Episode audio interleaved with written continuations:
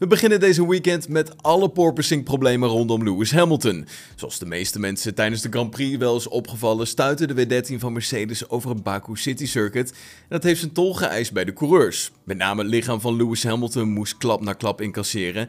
En na afloop van de race was te zien hoe de Brit amper zelf uit de auto kon klimmen. Hij greep naar zijn rug en het leek erop dat hij serieuze klachten heeft overgehouden aan de wedstrijd in de straten van Baku.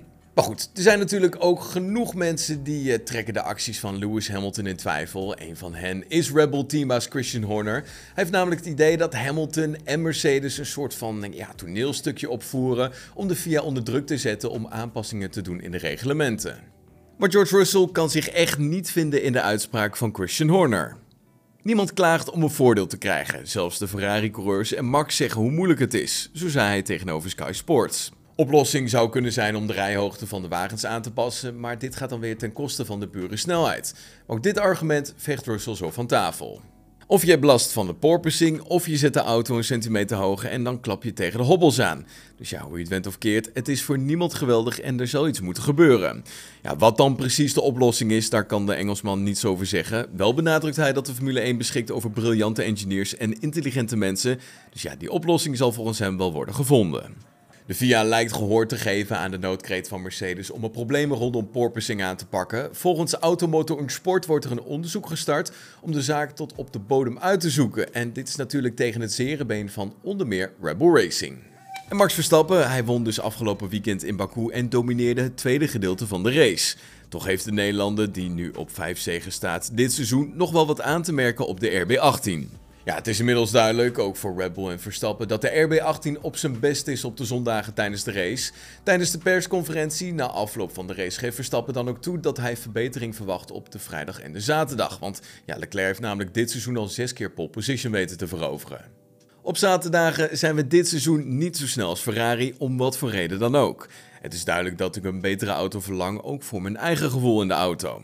Op zondagen voelt het over het algemeen een beetje beter. Er is natuurlijk nog genoeg werk aan de winkel om te proberen de auto te verbeteren, maar ik denk dat iedereen hetzelfde heeft. Het is nog steeds een erg nieuwe auto, dus we zullen altijd blijven zoeken naar verbeteringen. Op dit moment lijkt het erop dat de zaterdag de grootste ruimte voor verbetering is.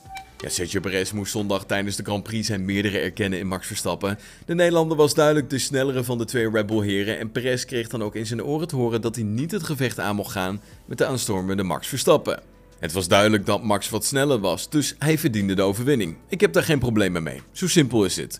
Het was de juiste beslissing om te maken van het team.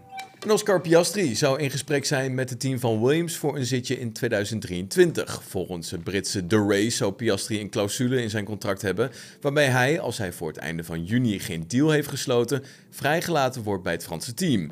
Alpine is zich natuurlijk bewust van het talent van Piastri en zou hem graag daarom willen houden. De optie om hem uit te lenen is dan ook logisch, nu het erop lijkt dat Alonso nog niet gaat stoppen.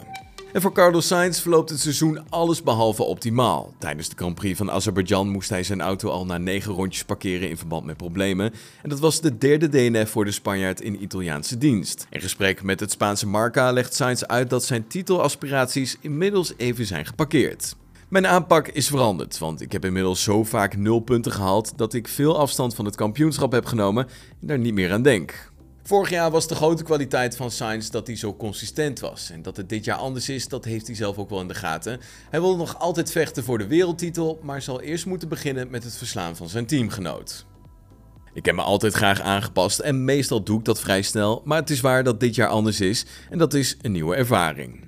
En dat was hem dan, de weekcompilatie van deze week. Heb je genoten van deze aflevering? Laat je dan horen op onze Apple Podcast pagina of vergeet ons niet te volgen op Spotify.